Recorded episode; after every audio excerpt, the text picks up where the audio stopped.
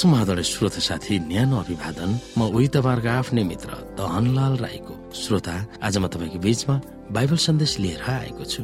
आजको बाइबल सन्देशको शीर्षक रहेको छ उहाँको नाउँ तिनीहरूको निधारहरूमा।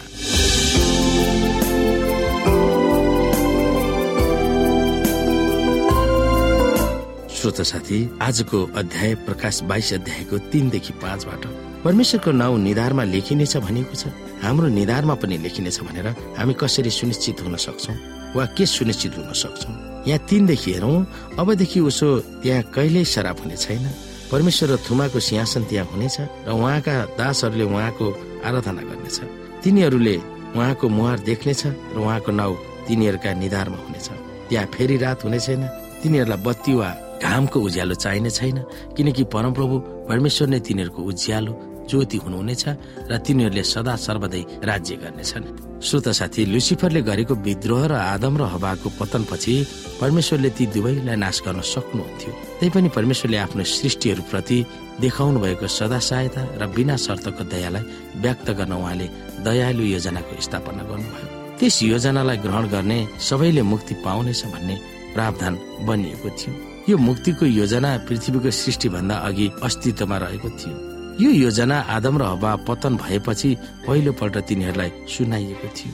पछि इजरायलीहरूले निर्माण गरेको पवित्र स्थानमा गरिने विभिन्न विधिहरूले मुक्तिको योजनालाई औल्याएको थियो। अनि जब यसो आउनुभयो तब उहाँको जीवन मृत्यु र पुनरुत्थानले त्यो योजना पूर्ण रूपमा सम्पन्न भएको देखाएको थियो।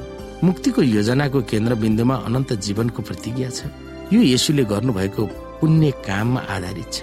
विश्वासद्वारा उहाँलाई ग्रहण गर्ने सबैलाई क्रुसको छारीमा त्यो महान मुक्ति उपलब्ध गराइएको छ। क्रुस भन्दा पहिले र क्रुस पछि मुक्ति जहिले पनि विश्वासद्वारा उपलब्ध गराइएको थियो। मानिसहरूको धर्म कर्म र प्रयासले मुक्ति पाइने थिएन।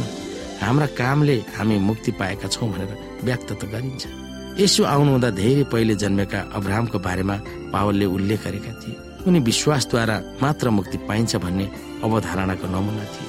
यदि अब्राहम कामद्वारा धर्मी ठरिएका भए उनलाई घमण्ड गर्ने केही ठाउँ रहने थियो तर परमेश्वरको अगाडि त होइन।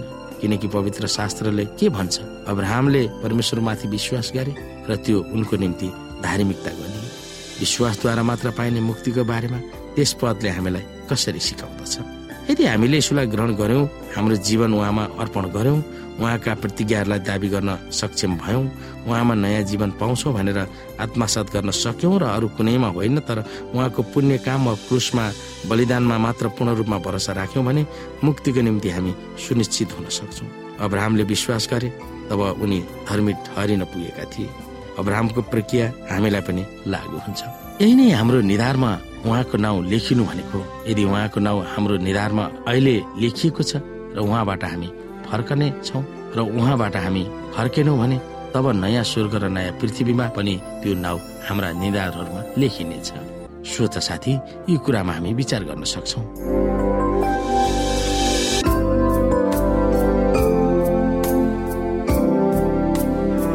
हस्त श्रोता आजको लागि बाइबल सन्देश यति नै। म तपाईँहरूको आफ्नै मित्र धनलाल बिदा हुन्छु।